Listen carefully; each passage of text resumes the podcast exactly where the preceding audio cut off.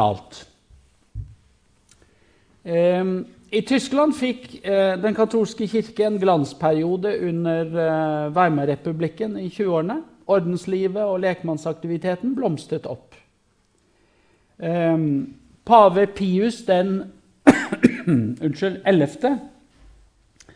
Han hadde som valgspråk 'Kristi fred i Kristi rike'. Og det var nok et, et, et tema som skulle gå inn og, og, være viktig etter andre verdenskrig, altså dette med fred. Etter at Mussolini gjorde statskupp i Italia i 1922, så ble han og paven enige om den såkalte Lateranavtalen i 1929.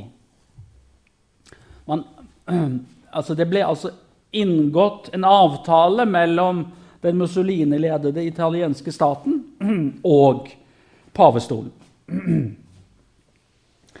Ehm, I Spania ble også den fascistiske diktatoren Franco støttet av kirken.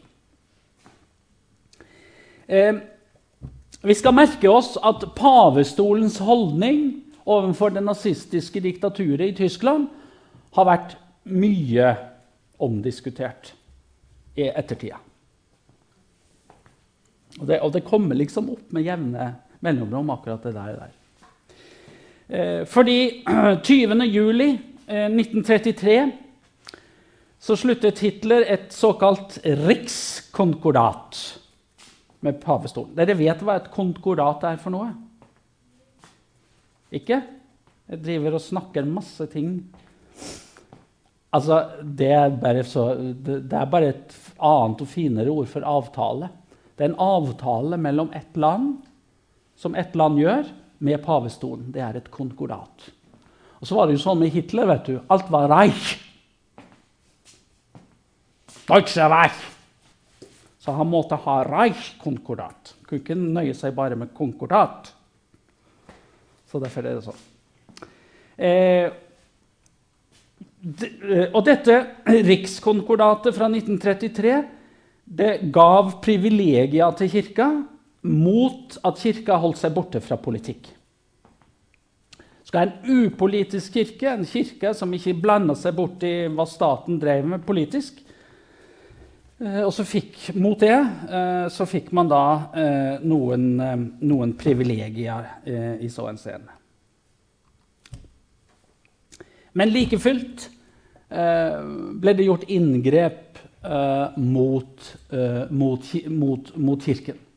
Og Kirken skjønte jo, kanskje for seint, helt sikkert for seint, at um, å inngå avtaler med en uberegnelig fyr som Hitler, det er et ganske stort risiko, risikoprosjekt. Altså Kirken skulle på en måte Eh, for å bli latt i fred, eh, mot at man forsikret at man ikke skulle gå inn i eller eh, beskjeftige seg med politikk.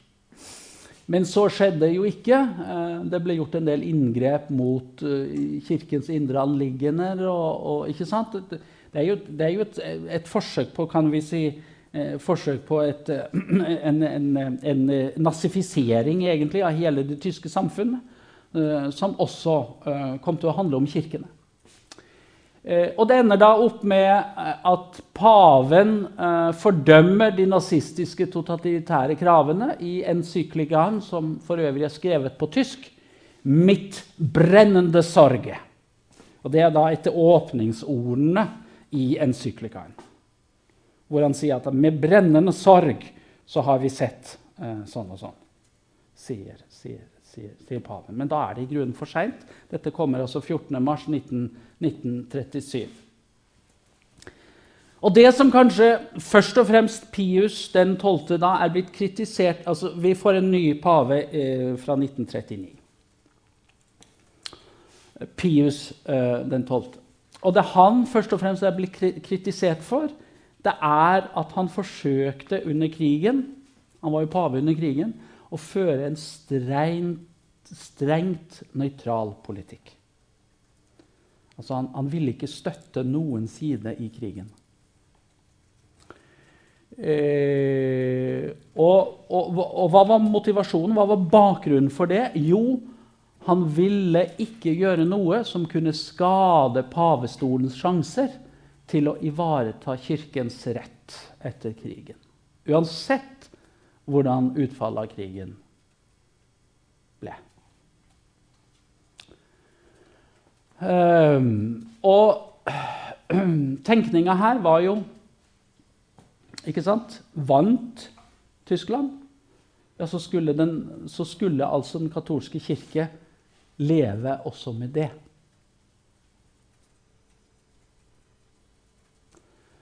Eh, men i ettertid er jo det blitt veldig kritisert. ikke sant? Altså Det var en litt sånn veldig pragmatisk holdning. Og var det en rett holdning å innta i en side hvor det var tydelig, mer og mer tydelig hva slags regime dette var?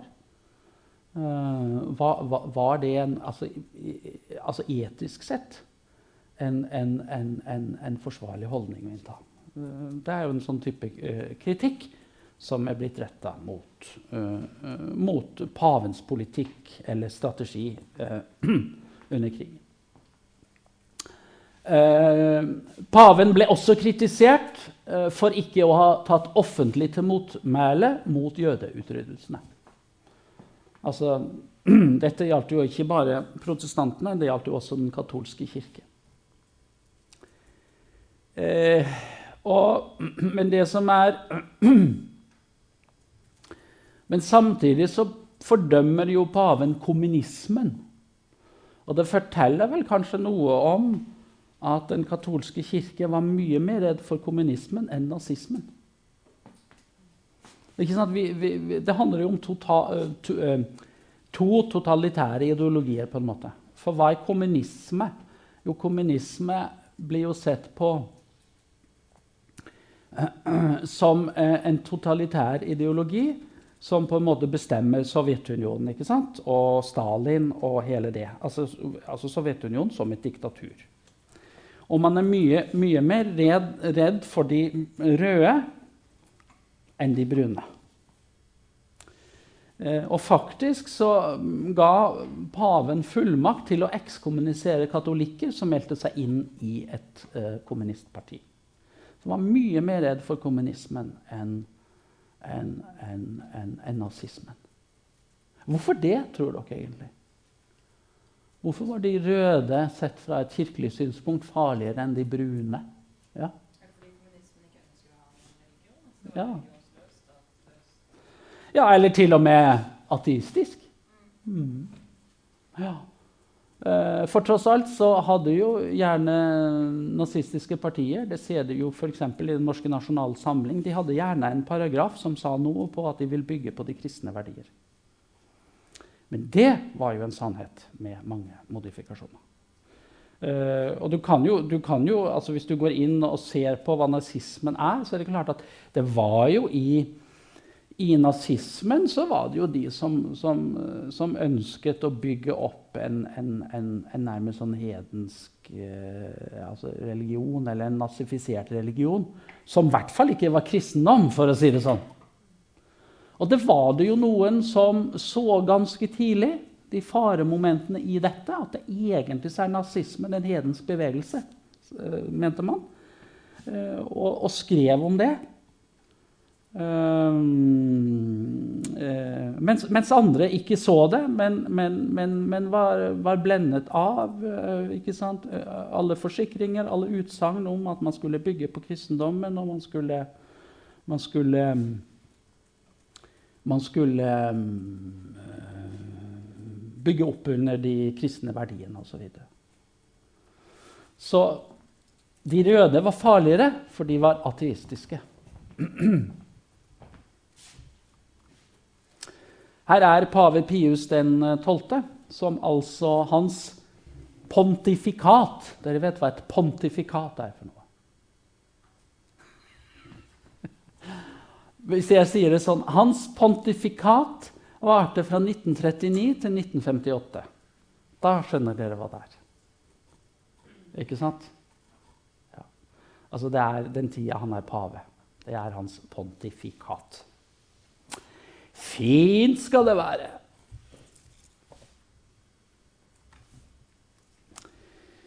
Eh, men det som eh, eh, Ta det med her. Jeg trodde jeg hadde fått det med her, men det, men det, men det, men det glapp litt.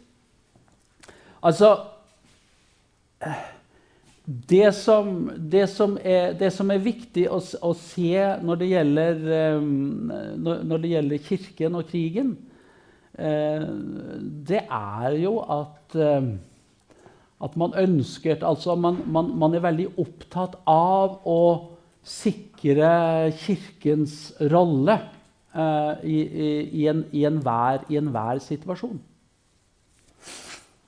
Og det, det, er, det, har også blitt møtt med ganske, med ganske sterk kritikk. Uh, dette at, han, at, at, paven For det første man inngikk altså konkordater både med denne italienske, med den tyske staten og under krigen så forsøker man å være nøytral, man vil ikke ta stilling. Så det går litt sånn en rød tråd kan du si, i hele den katolske kirkes politikk. Altså i mellomkrigstida, altså 20-årene, og utover i, i 30-årene. Og under to forskjellige paver. Så han bare ser den der, den der, den der kontinuiteten der. Eh, og man kan jo godt si at Hitler egentlig var antireligiøs. Um, og for han det, det, var bare ett som gjaldt. ikke sant? Det var, det var, det var nazismen og de nazistiske ideene. Um, men han ønsket ikke å ta et oppgjør med Kirken. Uh, fordi at han så at Kirken var nødvendig for, som støtte i samfunnet osv. Som lim i samfunnet, på en måte. Men etter at han hadde vunnet eh, en total seier, som han så frem mot, selvfølgelig, så ville nok også det komme et oppgjør med Kirken. Men det så man på en måte ikke, det så på en måte, eller det ville man ikke se i samtiden. Men det var nok det som lå i hans politikk. Hitler var ingen kirkens mann, for å si det sånn. Selv om han hadde katolsk bakgrunn, faktisk.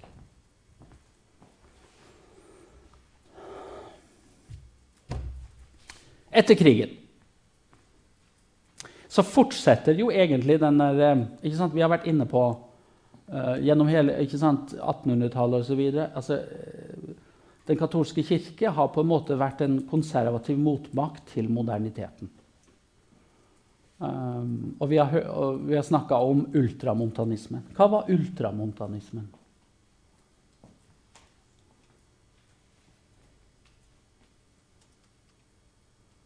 Hva betyr ultramontanisme? Ja?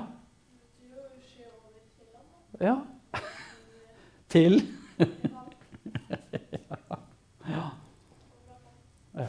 Over Alpene, sent til Italia, til paven. ikke sant?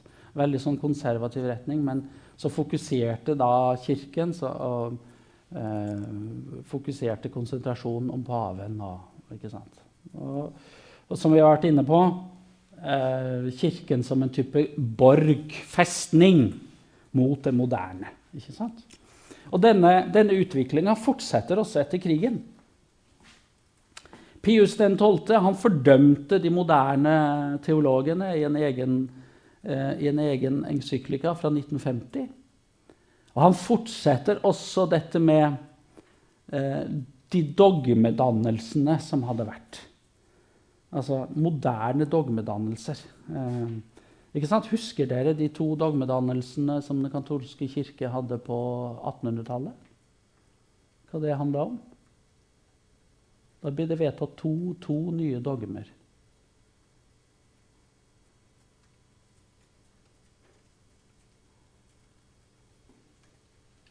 Nei. Eh, den i 1854. Det handlet om Maria. Jomfru Maria, Jesu mor.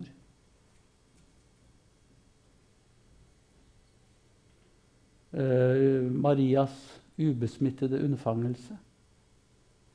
Dogme om Marias ubesmittede unnfangelse fra 1854. Hva er det for noe? Ubesmittede unnfangelse. Hva betyr det? Jeg har ikke sånn Maria sjøl som var eh, skapt på samme måte? Ja. Altså hun var også som sin sønn. Eh, ja Blitt til uten, uten, uten synd. Mm. Ubesmittet. Ja. Så hun er mer lik sin sønn. Ja. Og så har vi den neste dogmedannelsen i 1870. Hva handlet det om? Det, det gjaldt paven. Ja. ja. Pavens ufeilbarlighet. Helt riktig. Hvor paven ble eh, erklært eh, ufeilbarlig. Var det i enhver ting som han uttalte seg om, eller når var paven ufeilbarlig? Ifølge ufeilbarlighetsdogme. Husker dere det? Ja, eller ikke enhver. Ikke enhver samtale han hadde om religion, var, var han ufeilbarlig. Nei. Nei. Det er når han Ja? Ja. Når han taler ex cathedra, og det betyr Eller fra stolen, fra pavestolen. Og når han påberoper seg det, helt riktig, da taler han ex cathedra. Så det er ikke noe hvis han sitter og skravler med frokostbordet. Da er han ikke ufeilbarlig. Bare for å si det. Ja, Det er viktig. Han må, han, må, han må, påberope seg det. Og så får vi altså i 1950 Og jeg driver nå bare og spør de der tingene. Jeg er fæl å spørre og grave. Men det er bare for at vi skal få de der linjene. Så vedtok han Pius 12. dogme om Marias himmelfart og konkluderte dermed utviklinga siden 1854 og dogmevedtaket om Marias usmitta unnfangelse. Og Maria det er interessant. Maria løftes fram. Altså, det er en veldig sentral eh, Mariakult eh, fra 1800-tallet og fremover, som altså krones med en eh, 1950-dogme. Og hva ser vi? Jo, det understreker Marias veldig sterke rolle i katolsk fromhetsliv.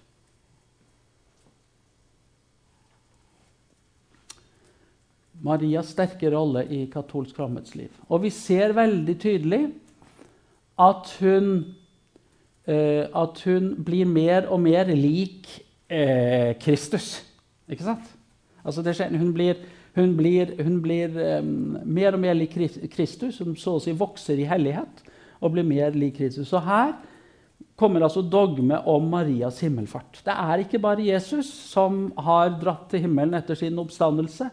Også Maria ble tatt til himmelen ifølge dette dogmet. Tror protestantene på dette?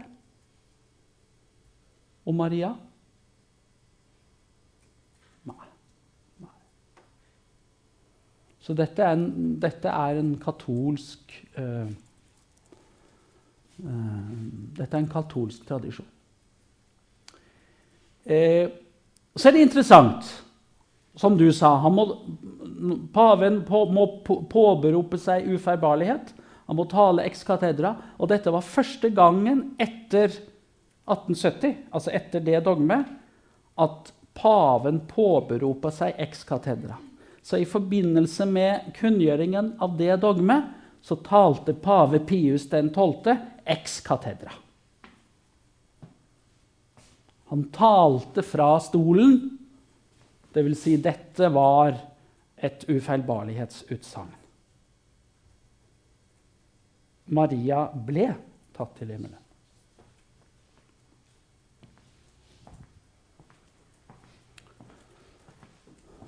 Så paven bruker det ikke i tid og utide, for å si det sånn, å tale ex cathedra.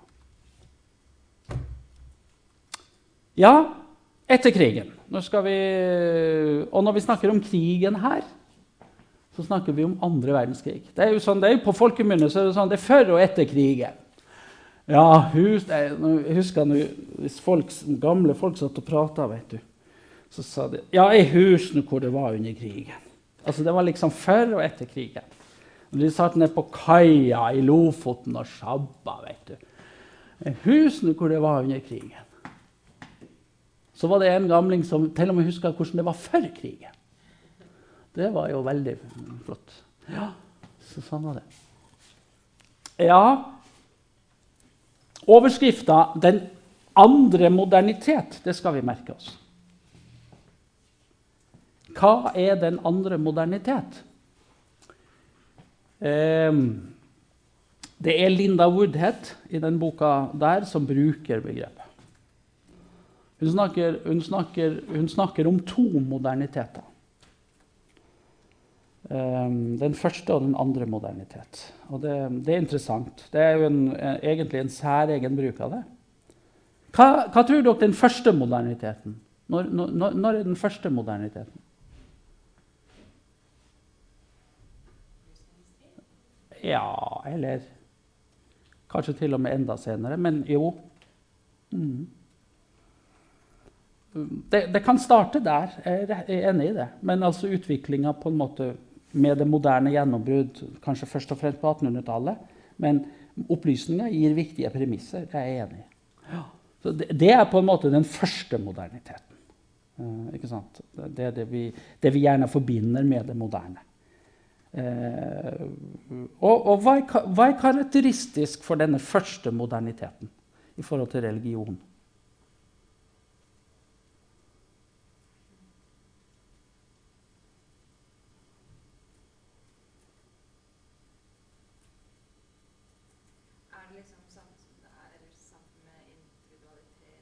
Ja, ikke sant? Ja, jo, jo, jo, jo, jo, da, det er viktig, det. ikke sant? Det er viktig, det.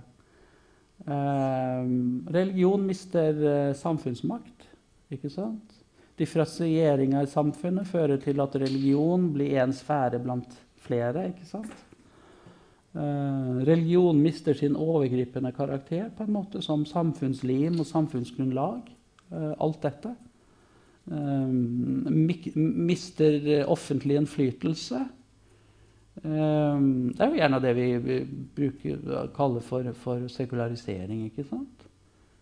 Ehm, som ikke så mye handler om at, at religion forsvinner, men at religionens vilkår endres. Ehm, og individualisering og privatisering av religion, ikke minst. Ikke altså, dette er noe, for, det er noe som vi får, inne, får stå, stå, inne for selv. Um, det er noe man velger selv, og den er privat. Eh, og dette blir egentlig bare forsterka i det eh, Linda Bodhet snakker om som den andre moderniteten. Og den andre moderniteten den kommer fra om lag 1960 og, innebærer omfattende religiøse endringer. Og her er altså noen, noen trekk. Altså reformer og modernisering innenfor kirkene. Og, og, det handler om at kirkene forsøker å tilpasse seg en endra, endra rammebetingelser, en endra situasjon. Eh, det ser en nedgang fra frikirkesamfunnene. Eh, og så får vi økende religiøst mangfold gjennom ikke-kristen innvandring i de vestlige landene. Og så skjer det en, en, videre og fortsatt nedgang når det gjelder organisert religiøsitet, når det gjelder kirkemedlemskap, kirkesøkning, sånne ting. Og, og, og her er fallet relativt dramatisk i den andre moderniteten. Så, så, så det er, det er en, en, utvikling som på en måte akselererer, kan vi godt si. Samtidig som det skjer reformer og modernisering innad i kirkene for å tilpasse seg eh, endrede vilkår. Og dette, dette, skjer både innenfor protestantisk og eh, katolsk kontekst. Hvilke endringer får vi innad i kirkene? Det er kanskje tydeligst innenfor den katolske kirke.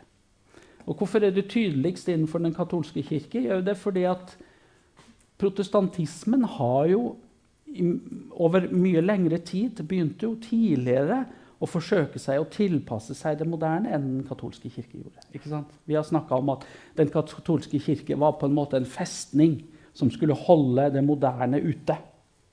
Som ikke ville befatte seg med det moderne. Mens, mens protestant, protestantene forsøkte seg i, i, i, større grad og tidligere å, å, komme i en slags dialog med det moderne. Eh, tradisjonell eh, kirkelighet og etablerte hierarkier blir utfordra av nye ideer om åpenhet, demokrati, frihet. I denne andre moderniteten. Ikke sant? Det er jo på en måte en tid 60-årene. ikke sant? Tenk på studentopprøret. Det var den gang studentene gikk i tog og var misfornøyd med det bestående. Eh, og syntes foreldregenerasjonen var helt håpløs. Det syns sikkert dere også, men uh, Dere går ikke i tog for å vise det. um, ikke sant? Og, ikke sant? det, det, var på en måte alle autoriteter, det var alle hierarkier, som på en måte sto for fall. Veldig sterk autoritetskritikk. Eh, og dette utfordrer kirkene, fordi at kirkene står på en måte for det establishment. Ikke sant? Står for det etablerte samfunnet, det besteborgerlige. Ikke sant? Sam kirken er en, de blant de viktigste samfunnets støtter. Og det som kanskje særlig ble rammet av dette, var jo nettopp den katolske kirke. eh, som på en måte var innebegrepet av alt som konservativt var. Og så skjer det altså med at vi får en gammel pave. Johannes den 23., som ble pave i 1958. Og man har tenkt at ja, dette, han skal bare fortsette sånn som det har vært. Og dessuten er han så gammel at uh, han lever ikke lenge, så det skjer ingenting under han. Så vi, vi, vi skal bare ha en, altså, Dette er bare en sånn mellom, en mellompave. Men denne gamle paven han kom faktisk til å initiere store endringer. Han kalte inn til det andre Vatikankonsil som satt sammen, eller med, mine, med mer eller mindre avbrudd, 1962 til 1965. Uh, og ved konsilets åpningsmøte så, så, uttalte paven at målet med dette konsilet var agiornamento, altså fornyelse. Han gir altså allerede ved begynnelsen på en måte akkorden for hva dette, for hva dette konsilet skal handle om. Fornyelse. Agiornamento. Fornyelse av Kirken. Uh, og det innevarsler Andre Vatikankonsil innevarsler en nyorientering av Kirka i forhold til den nye tid.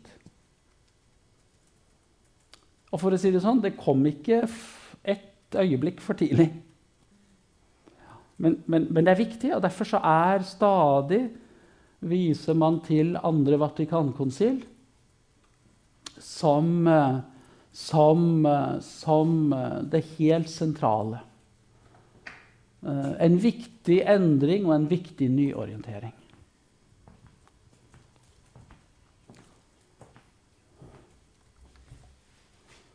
Her har vi pave eh, Johannes den 23. Eh, han ville nemlig bryte med den isolerte holdningen. Um, han var åpen overfor den moderne samfunnsutviklinga, kultur og politikk. Han søkte også dialog med andre religioner og ikke-katolske kristne.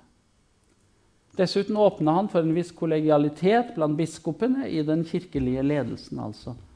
Altså Biskopene som på en måte suverene, men de skulle også utgjøre et type kollegafellesskap som på en måte Altså, Han ville ikke sentralisere all, all, absolutt all makt hos paven.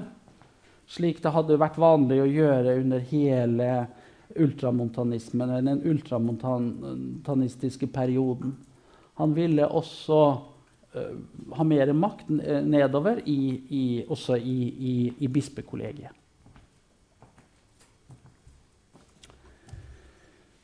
Her må vi Vi får ikke tatt alle paver. Uh, og dessuten skal vi jo slutte ved murens fall. Men det er én pave vi må nevne. Og det er Johannes Paul den annen. Han satt jo svært lenge som pave. fra 1978 til 2005. Han var endog en pave som var i Norge. Han var på besøk i Norge. Det, vel, det husker vel ingen av dere. dere er for unge! Eh, men han besøkte Norge. og det var jo, Da hadde det ikke vært en pave Eller det har ikke vært en pave på besøk i Norge før. det hadde de hadde en, en som var Som ble pave. Han var i Norge før han ble pave, nemlig eh, Nicolaus Breakspear i eh, 1152-53. Da var han i Norge i forbindelse med opprettelsen av Nidaros som erkebispesete. Men Johannes Paul 2. han kom til Norge. Og han reiste helt opp til Tromsø. Um, han, han, ble jo også kjent som den reisende paven. Han var veldig mye på reise. Den mobile pave, den reisende pave. Uh, men han var teologisk veldig konservativ. Han, men han hadde en dobbelttydig holdning til moderniseringa. Han har mange eksempler på øh, reaksjonær innstilling, konservativt kvinnesyn, konservativ seksual- og samlivsetikk erklærte i 1994 at ordinasjon av kvinnelige prester aldri ville kunne, bli noe av i den katolske kirke. Samtidig så har han tatt til orde for fred og menneskerettigheter. Han har vært en reisende pave som ønsket å komme i dialog også med ulike religioner og ulike kirkesamfunn. Så han, en, han, han, han var preget av en, av, en, av, av en, dobbelthet på mange måter. Ja? Hæ? Nei, altså, han ville besøke altså, Det fantes jo en katolsk kirke også i Norge. Ja. Eh, men det som så Han ville reise og besøke ja, så Dette var da i 1989. Eh, så det var helt på tampen av det 20. århundret. eh, jeg husker jeg, jeg satt og så eh, Jeg hadde eh, jeg satt, så, jeg satt, og så, på TV. Jeg var ikke og så var, men jeg satt og så på TV. Og det som var høydepunktet, eller ble oppfattet som høydepunktet, det var når paven og den lutherske biskopen i Nidaros feira messe fra høyaltet i Nidarosdomen. Eh, I, eh, i, eh, i, i, i 1989 det ble sett på som veldig viktig. Da, ja. mm. Økumenisk viktig ikke sant? Altså i dialogen mellom ulike uh, kirkesamfunn. Altså mellom Den norske kirke og, og Den katolske kirke. Ble, ble det sett på som, uh, som veldig viktig. Og dette er jo også en periode ikke sant? Eh, hvor dette med det altså etter krigen hvor det økumeniske arbeidet, altså arbeidet mellom kontakt, forståelse mellom de forskjellige kirkesamfunnene, skyter fart. Det økumeniske arbeidet skyter fart. Og han bidrar jo også til det. Selv om fremdeles har vi jo et stort problem i, for, i forholdet mellom eh, den katolske kirke og f.eks. den lutherske. Fordi at den katolske kirke anerkjenner jo ikke eh, nattvær. Så det er ikke nattværfellesskap mellom den katolske og den protestantiske kirke. Mellom f.eks. den katolske og den norske kirke. Altså, eh, Lutheranske kristne kan ikke gå til nattvær i en, i en katolsk kirke. Men datteren Ja. er konfirmere og Ja. konfirmere seg. katolske kirken at de hadde sånn samarbeid med norske kirke. At de Ja. kunne konfirmere seg i protestantisk Ja. kirke, men var fortsatt katolikk. Ja, ja. Ja.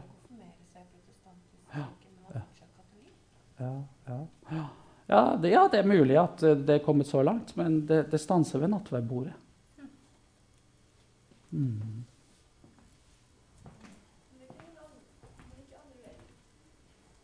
Nei, vi, vi er ikke så strikte på det i den, i den lutherske kirken. Eh, fordi ja, altså, vi anerkjenner jo deres nattvær. Så det er ikke noe altså, Hvis en katolikk vil komme i en luthersk kirke, så er det jo ingen som nekter vedkommende nattvær.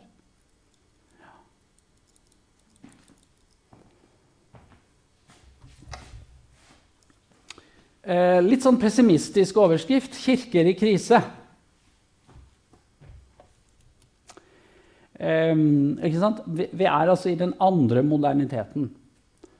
Eh, og det som da er en gjennomgående uh, tendens i katolske, protestantiske så vel som konfesjonelt blanda land, det er kirkelig nedgang. Bruker det fra en annen forfatter. Jeg har sitert, uh, jeg har sitert Linda Woodhead. Nå kan jeg sitere Hugh MacLeod. Han sier om denne tida The churches were in crisis. Og vi ser det tydelig eh, eksempler på at kirkesøkinga eh, faller. Belgia 43% av befolkninga i 1967 gikk eh, regelmessig i kirke. Da har de en, en, eh, en variabel for hva er regelmessig. Altså det er bestemt hvor ofte det er. om det er, ja. Men altså 43% av befolkninga gikk ut fra hva som ble definert som regelmessig i kirke. 1976, og Bare på få år så er det gått ned til 30% Dette er bare sånne stikk som bare testa. ikke sant? Det gir ikke noe totalt bilde. Frankrike 23% i 1966, ned i 17% i 1972. Det skjer veldig fort, som dere ser. Og øh, siden 1979 så har Church of England mistet halvparten av sine medlemmer. Og det kom jo i fjor ei bok om denne, denne nedgangen eh, til den, den eh, anglikanske kirken, Church of England i, i Storbritannia. Tittelen på boka er That's, uh, that, uh, the, the Church That Was, tror jeg den heter. Altså kirken som var. Altså forteller noe om hva som har gått galt. Altså, også en undertittel som sier noe om at kirken har mistet kontakten med folk, folket. Eh, og forsøker å analysere den situasjonen. Hva, hva skyldes det? Og konkluderer vel bl.a. med dette med eh, ikke sant? Det skorter på relevans. Eh, det skorter på eh, at Kirken eh, gjøres relevant. Eller oppleves relevant for, for, for folk flest. Eh, og at det kan være en, kanskje den viktigste, viktigste årsaken til at, eh, at Kirken har, har mistet eh, mange medlemmer. De samme tendensene, altså dette med nedgang i kirkelig medlemstall i de nasjonale kirkene, nasjonale folkekirkene som vi har rundt omkring, også i Norge, er jo ganske påtagelig. Vi har jo nå satt rekord i kirkeutmeldinger i Den norske kirke. Eh, det var vel i fjor. Vi vet ikke tallene for i år. Og, og før det så hadde jo, så hadde jo, eh, så hadde jo det eh, makstallet vært 1978. Og det var jo i forbindelse med den store kontroversene rundt abortloven.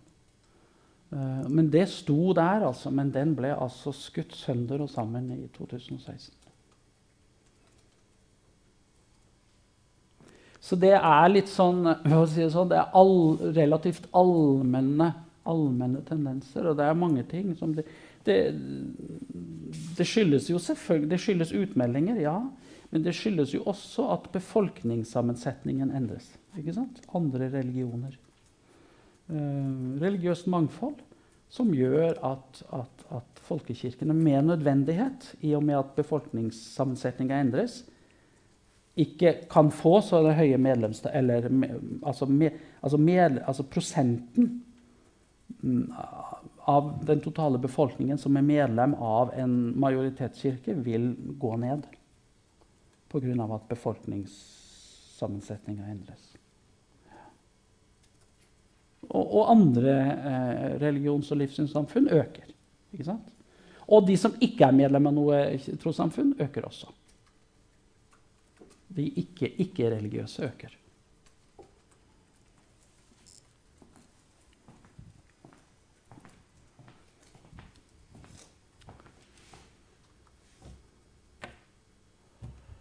Um, jeg snakka om uh, autoritetskritikken inn rundt 1960. Eller på slutten av 1960-tallet. Altså, vi kan også snakke om en kulturell revolusjon på 60-tallet. ikke sant? Hippiene. Make love, not war. Altså alt dette. ikke sant? Uh, store sosiale og kulturelle endringer som influerte på de fleste områder i livet. Sterk velstandsøkning. Folk flest fikk det som før hadde vært regna som luksus, ble nå liksom fellesgoder eller allment tilgjengelig. Og kritikk av alle typer autoriteter. Det startet i Paris i mai 1968, hvor unge mennesker, særlig studenter, tok til gatene og arbeidet for frihet og demokrati. Eh, store endringer i livsstil og personlig moral, kled, klær, hårmoter. ikke sant? Langt hår. Gutter skulle ha langt hår. Det var jo helt håpløst. vet du. Narkotika. Avvisning av tradisjonell moral, ikke minst seksualmoral. Eh, um, og det er klart at Ikke minst på det seksualmoralske området kom det til spenninger mellom ungdomsgenerasjonen og kirkene. Hvor altså unge mennesker fort kom i opposisjon til, til, eh, til, til de etablerte kirkene.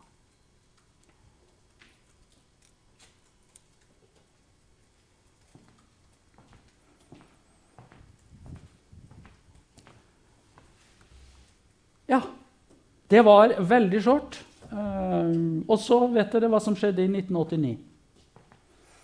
Men jeg har tatt det litt fram. eh, til eh, Sett noe, noen ting litt liksom innover i eh, 90 og, og, og utover. Men dette er litt sånn allmenne tendenser, det jeg snakket om sist, som på en måte, måte sprer, seg, sprer seg utover i, i, i, i århundret. Altså fra 19, 1960-tallet og fremover.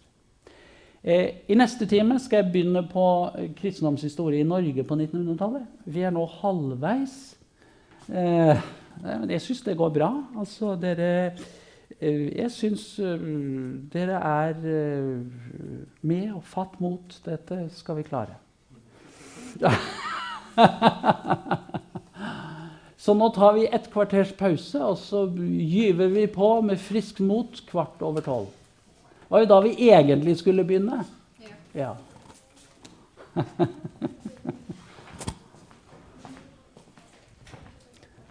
Disse foilene er for øvrig lagt inn i fronter allerede.